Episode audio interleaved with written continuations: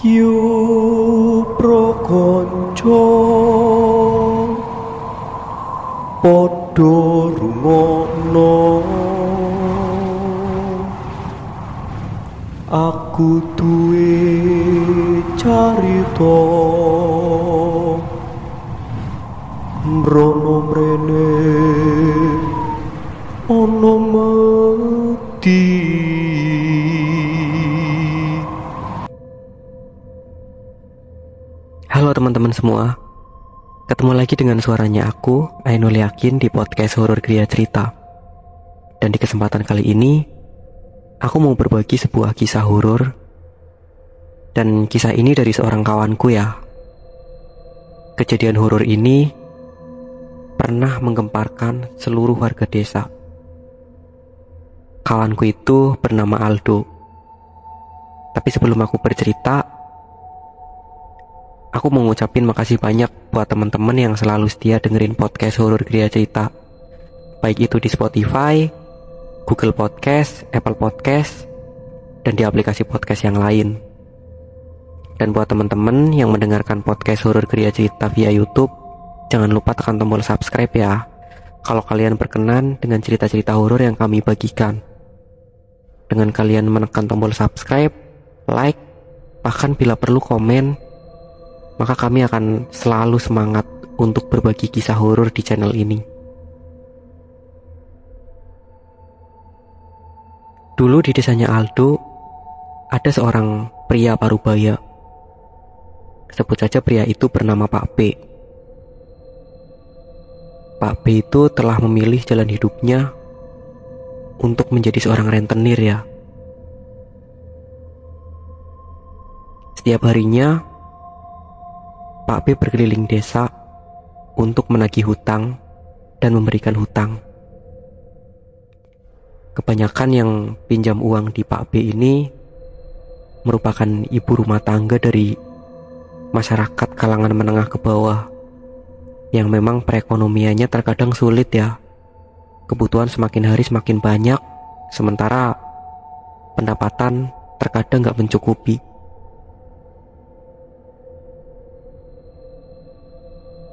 Ternyata Pak B ini nggak meminjamkan uang hanya di desanya sendiri ya. Tapi beliau juga meminjam-minjamkan uang di desa-desa tetangga. Cuman bedanya kalau di desanya sendiri, Pak B menagih uang ke nasabahnya itu dilakukan sendiri ya. Tapi kalau di desa tetangga, Pak B menyuruh orang untuk menagihkan uang atau menyuruh debt collector gitu ya. Dan kabarnya debt collector yang bekerja di Pak B itu semuanya berpenampilan seperti preman ya. Yang memang kalau menagih ke nasabahnya yang kebanyakan ibu-ibu rumah tangga itu itu katanya kurang sopan ya masuk ke rumah orang teriak-teriak bahkan nggak jarang juga kalau nagih itu membentak-bentak kalau misalnya storannya ada yang kurang atau mungkin ada yang nggak store. Pak B juga nggak jauh berbeda ya, walaupun beliau bekerja di desanya sendiri, yang mungkin kebanyakan masyarakatnya beliau kenal, tapi beliau kalau menagih juga ya maaf kata kurang sopan gitu ya. Dan sebenarnya kalau pinjam uang di Pak B itu itu nominalnya nggak terlalu banyak ya, nominalnya dibatasi. Ya paling 500 ribu itu udah paling besar ya. Itu udah paling besar 500 ribu. Jadi kadang ada yang pinjam 200 ribu, terus 300 ribu, 100 ribu juga ada. Dan paling besar itu 500 ribu. Sistem setorannya itu harian ya, jadi setiap hari itu yang pinjam uang itu harus setoran dengan bunga yang cukup besar. Nah, suatu hari ini Pak P membuat masalah ya dengan nasabahnya. Ya, nasabahnya itu sebut aja bernama Bu V itulah. Karena di sini aku nggak mungkin nyebutin nama-nama orangnya gitu ya. Itu privasi dan aku juga nggak izin sama orangnya gitu kan buat share cerita ini. Ya sebut aja nasabahnya Pak B itu bernama Bu V. Bu V waktu itu ada kebutuhan yang benar-benar mendesak banget ya. Sehingga terpaksa Bu V harus meminjam uang di Pak B. Dan karena Pak B itu kalau menagih itu sikapnya kurang menyenangkan gitu ya. Akhirnya Bu V melunasi utangnya. Tapi suatu siang itu Pak B datang ya ke rumahnya Bu V dan Pak B menagih Bu V. Katanya Bu V masih ada hutang yang belum terbayar. Itu sebesar 20 ribu. Nah karena Bu V udah merasa melunasi semua hutangnya, jadi ya Bu V nggak mau gitu kan buat membayar lagi ke Pak B. Dan waktu melunasi juga Bu V itu punya saksi ya. Waktu itu ada tetangga yang lagi main di rumahnya Bu V dan tetangganya itu melihat Bu V melunasi hutangnya di Pak B gitu ya. Tapi waktu itu Pak B ngotot. Beliau tuh ngotot nggak mau kalah gitu ya. Pokoknya tuh Bu V masih punya utang sebesar 20 ribu dan harus cepat dibayar. Dan waktu itu tetangga yang menyaksikan waktu Bu V melunasi hutangnya itu juga ada di situ ya. Ya otomatis tetangganya itu membela Bu V gitu. Waktu itu udah dilunasin kok aku yang lihat sendiri gitu. Tapi Pak B malah marah-marah katanya. Dan akhirnya Pak B itu pergi tapi sambil mengancam ya. Nanti saya ke sini lagi. Jangan lupa utangnya dilunasin. Kalau enggak tahu sendiri akibatnya. Pokoknya ada kalimat ancaman yang keluar dari mulutnya Pak B gitu ya. Dan ternyata siangnya Pak B itu beneran datang ya. Beneran datang kembali ke rumahnya Bu V dan nggak tanggung-tanggung. Pak B itu membawa seo, tiga orang ya, tiga orang berpenampilan preman dan itu semuanya ngomong ya semuanya tuh kasar gitu bersikap kasar gitu. Melontarkan kata-kata yang kurang sopan. Akhirnya mereka terlibat cekcok mulut gitu ya. Karena Bu V nggak mau ribut-ribut terlalu lama. Ya malu juga kan karena uang 20 ribu itu sampai didatengin orang. Berpenampilan preman kayak gitu itu kan malu ya sama tetangga kiri kanan Akhirnya Bu V tuh mengalah.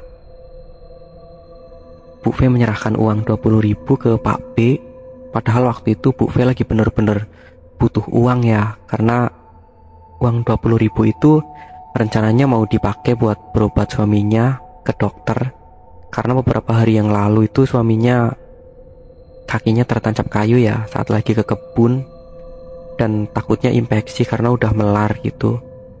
Tapi uangnya diserahin ke Pak B karena ya udahlah nggak mau ribut-ribut terlalu lama gitu. Dan setelah menerima uang dari Bu V itu Pak B langsung pamitan ya tapi pamitannya tuh dengan cara yang bener-bener kurang sopan ngucapin makasih sambil dar gitu mengebrak meja gitu ya. Sambil makasih gitu dar gitu. Dan semuanya langsung ngeloyor pergi gitu Sebenarnya predikat dari Pak B ini banyak masyarakat yang nggak suka ya, bahkan hampir semua masyarakat desa itu nggak suka sama Pak B. Tapi karena pengaruh dan karena mungkin harta yang dimilikinya ya, sama sekali nggak ada masyarakat yang berani mengganggu atau mengusik hidupnya Pak B. Nah, siapa nyana, siapa sangka, ternyata yang Pak B lakukan itu merupakan ketamakannya yang terakhir di dalam hidupnya ya. Karena saat dalam perjalanan sepulangnya dari rumah Bu V itu Pak B kecelakaan ya. Jadi di jalan tuh katanya ada truk yang lagi membawa tebu ya, lagi memuat tebu. Itu yang melaju kencang banget dan katanya motor Pak B itu nggak tahu kenapa oleng ya dan langsung jatuh dan jatuhnya tuh ke kolong truk yang lagi melaju kencang itu. otomatis tubuh Pak B langsung kelindas ban truk kan dan maaf kata katanya itu uh, isi dari perutnya Pak B itu langsung terburai semua ya menghambur apa uh, terburai keluar lah itu isi perutnya usus dan lain sebagainya gitu ya karena ya bila mintalik ya itu katanya tubuhnya tuh bener-bener kelindes gitu. Dan gemparlah semua warga desa saat itu.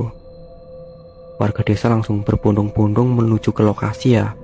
Termasuk Bu V dan Bu V cuma bisa baca takbir ya cuma bisa nangis sambil baca takbir. Padahal dia tuh cuma ngerasa sedih aja gitu ya. Maksud aku beliau tuh Bu V itu cuma ngerasa sedih aja karena perlakuan Pak B tapi kok bisa kayak gini gitu kan? Ya Bu V juga sama sekali nggak ngerasa nyumpain Pak B apa gimana tapi kok kejadiannya kayak gini gitu kan? Jadi Bu V itu bener-bener ya cuma bisa nangis gitu.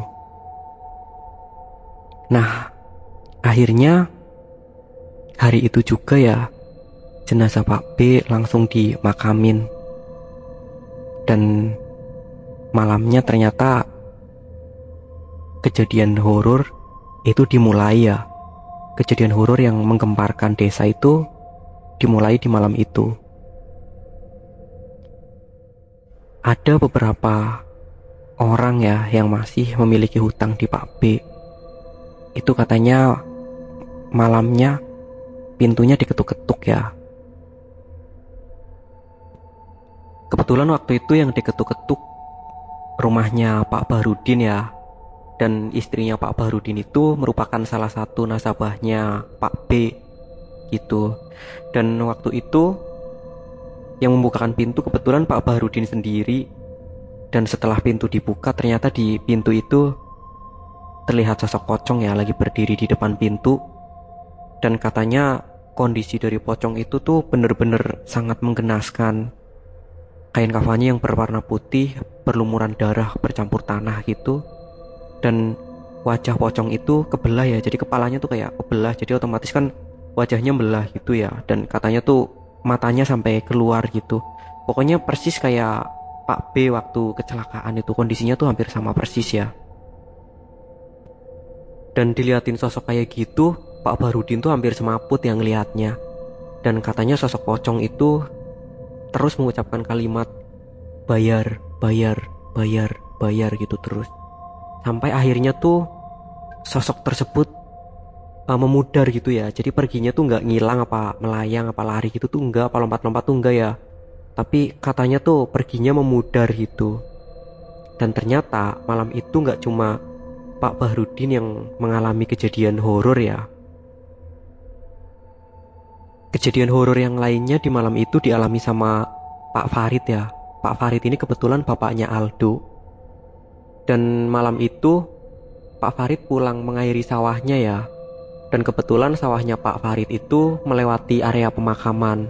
Berarti kalau habis dari sawah tuh langsung lewat di area pemakaman gitu ya. Jadi langsung melewati area makam gitu. Patunisan-patunisannya itu ya makam-makam kelihatan semua gitu karena di situ tuh nggak ada batas temboknya atau apa ya karena itu jalan makam gitu dan waktu Pak Farid pulang mengairi sawahnya itu Pak Farid denger kayak ada suara kayak semacam suara petir ya. Tapi suaranya itu di bawah gitu loh. Jadi kalau petir kan biasanya suaranya di atas ya geluduk gitu. Nah itu suaranya di bawah kayak jeder gitu di, tapi di bawah gitu. Dan nggak lama kemudian itu katanya Pak Farid ngeliat kuburannya Pak B itu uh, apa ya keluar api gitu loh keluar api dan kuburannya tuh kebelah gitu membuka kebelah gitu. Hal lihat kayak gitu karena Pak Farid itu emang udah biasa yang lihat yang kayak gitu gitu jadi ya cuma baca istighfar aja lah sambil jalan biasa. Siapanya anak ternyata itu merupakan awal dari teror yang meneror hampir semua warga desa gitu ya Oh iya, aku minta maaf ya guys. Tadi ada suara motor yang masuk kencang banget dan mungkin ada suara klakson motor atau apa yang lewat gitu. Itu aku minta maaf karena di sini aku rekamannya masih pakai HP ya. Asli masih pakai HP tanpa ada peralatan yang canggih apa pun, masih pakai HP karena channel dan podcast ini masih channel pemula dan podcast pemula ya dan mungkin peminatnya juga belum terlalu banyak lah masih beberapa orang jadi aku tuh apa ya masih rekaman dengan alat yang seadanya karena aku belum punya alat-alat yang super canggih gitu ya yang bikin audio tuh kualitasnya bener-bener super jernih itu aku belum punya gitu. Jadi harap dimaklumi aja ya guys. Nah lanjut lagi ke cerita yang selanjutnya. Cerita yang selanjutnya ini dialami sama Pak Zainal ya. Pak Zainal malam itu sekitar jam 10 lebih itu pulang dari resmil ya atau tempat penggilingan padi. Malam itu Pak Zainal bawa kulit padi ya bawa kulit padi dan kulit padi itu ditaruh di karung ya dimasukkan ke karung terus diboncengin di boncengan motornya.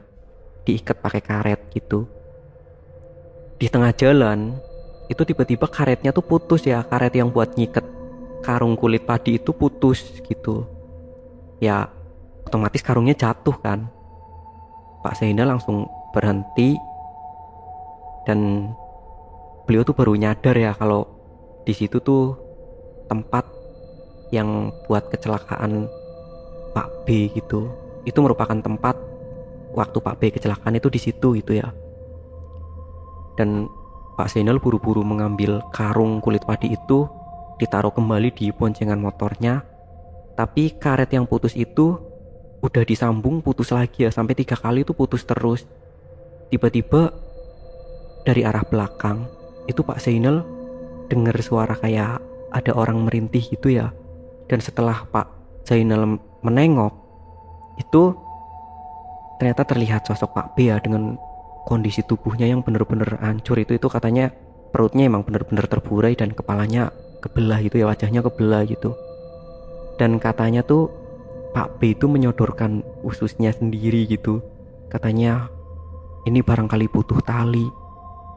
Katanya ngomong kayak gitu ya. Pak Soino langsung lari tunggang langgang kan diliatin sosok yang kayak gitu. Dan selama beberapa hari itu semenjak kejadian itu itu Pak Zainal sakit ya sakit panas dingin gitu. Dan itu kejadian di malam yang berbeda ya dari malam yang pertama itu kalau nggak salah malam kedua atau malam ketiganya dan kejadian di malam yang selanjutnya itu Aldo sendiri yang mengalami kejadian itu. Jadi malam itu sekitar jam satu atau jam setengah dua itu pokoknya kurang lebih jam segitu ya dini hari itu itu Aldo kebangun dan dari kejauhan awalnya tuh Aldo cuma denger kayak ada suara apa ya kayak suara orang yang gerung-gerung kesakitan gitu loh kayak suara hmm hmm gitu. Itu dari kejauhan dari pokoknya awalnya suaranya jauh banget lah. Terus tambah deket tambah deket tambah deket. Ternyata waktu suara itu udah agak deket baru kedengeran jelas ya. Kalau suara itu tuh mengucapkan kalimat bayar bayar bayar gitu. Dan suara itu tuh semakin lama semakin keras semakin keras semakin keras dan melintas di bagian samping rumahnya Aldo jadi di bagian samping rumahnya Aldo itu kan ada ini ya ada jalan setapak gitu loh yang buat lewat warga ya kayak jalan tikus lah Nah, katanya sosok itu lewat ke situ dan itu lewatnya tuh uh, katanya cepat ya gitu. Jadi bayar bayar tapi cepat nggak pelan gitu loh. Jadi jalannya tuh cepat melintas gitu. Sambil ngucapin bayar bayar kayak gitu terus. Ya Aldo langsung bisa nebak. Itu merupakan hantu dari Pak B gitu kan. Itu suaranya hantunya Pak B gitu tapi Aldo sih nggak diliatin ya alhamdulillah. Malam yang selanjutnya itu giliran Bu V ya yang mendapat teror dari hantunya Pak B. Jadi malam itu Bu V di rumah sendiri karena suaminya lagi mengairi sawah tetangga ya. Kebetulan suami Bu V itu uh, buruh tani gitu ya. Dan karena di desa itu udah bener-bener geger banget. Kalau hantunya Pak B itu penasaran ya dengan terkadang tuh bentuknya tuh berbentuk pocong gitu dan kadang bentuknya juga ya wujudnya Pak B tapi kondisi tubuhnya tuh hancur gitu ya.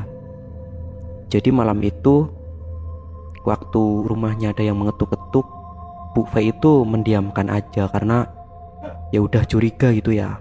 Wah jangan-jangan itu hantunya Pak B gitu. Bu V tetap diem di kamar berbaring di tempat tidur gitu ya. Dan nggak lama kemudian suara ketukan itu hilang. Tapi tiba-tiba tuh kecium aroma bangkai gitu ya.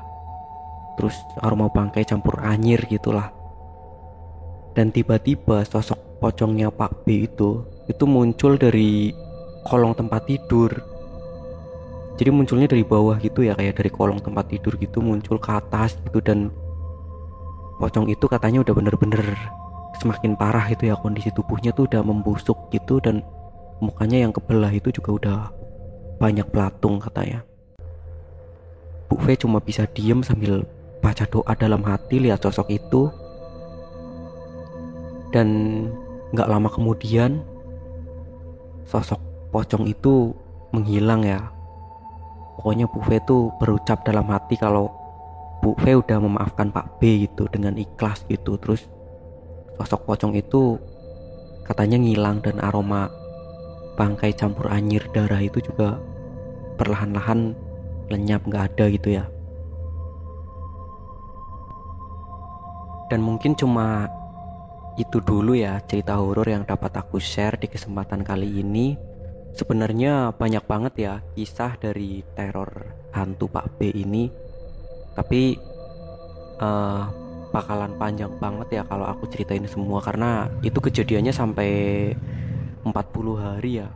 Warga desa itu diteror sama hantunya Pak B.